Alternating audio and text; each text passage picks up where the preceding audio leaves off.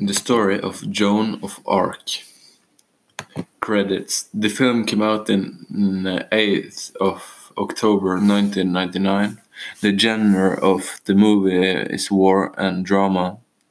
The director of the film is called Luc Besson and is a French film director and screenwriter.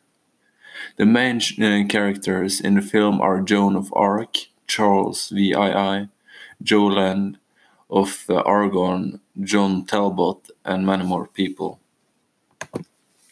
Summary of the plot: In 1429, a teenage girl from a remote French village stood before her king with a message she claimed uh, from God: that she will defeat the world's world greatest army and liberate her country from its, its political and religious uh, turmoil.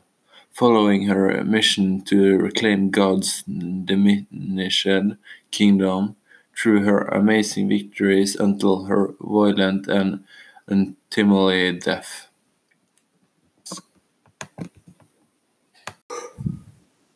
When and where uh, this story took place and background. So this story took place in France during the Hundred Years' War. In the 15th century, I guess uh, you could could say that the society in this movie consisted of the three groups: the one that worked like uh, farmers and peasants, the one that prayed such uh, as monks, and the one that fight like the warrior class. There were big class uh, distinctions uh, between the upper class people and the lower class people. The main character in this movie is the young French girl Joan of Arc. She is a illiterate uh, patient with blonde hair. Joan is very religious and has been hearing voices and seeing visions since she was a kid. She claims that she has been chosen by God to chase the English army out of France. Even though though she views herself God's chosen, other people think she's total opposite, a devil uh, and a witch, and so on. Joan sadly dies when she is nineteen after being burned at a stake. Effects in the movie: There are a lot of special effects used in the movie that plays a big part uh, in how realistic and convincing uh, the movie is.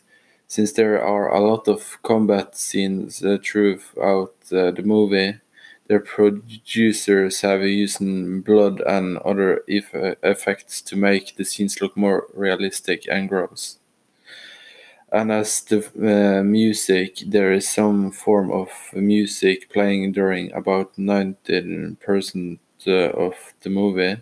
percent of The movie the music helps with enhancing the emotions and power in each movie scene. I think almost all the movie effects were used in a good way. The music was really a good addition uh, to the movie, but the blood effects during the war scenes could have better been better. Conclusion of the movie: I really like uh, this movie.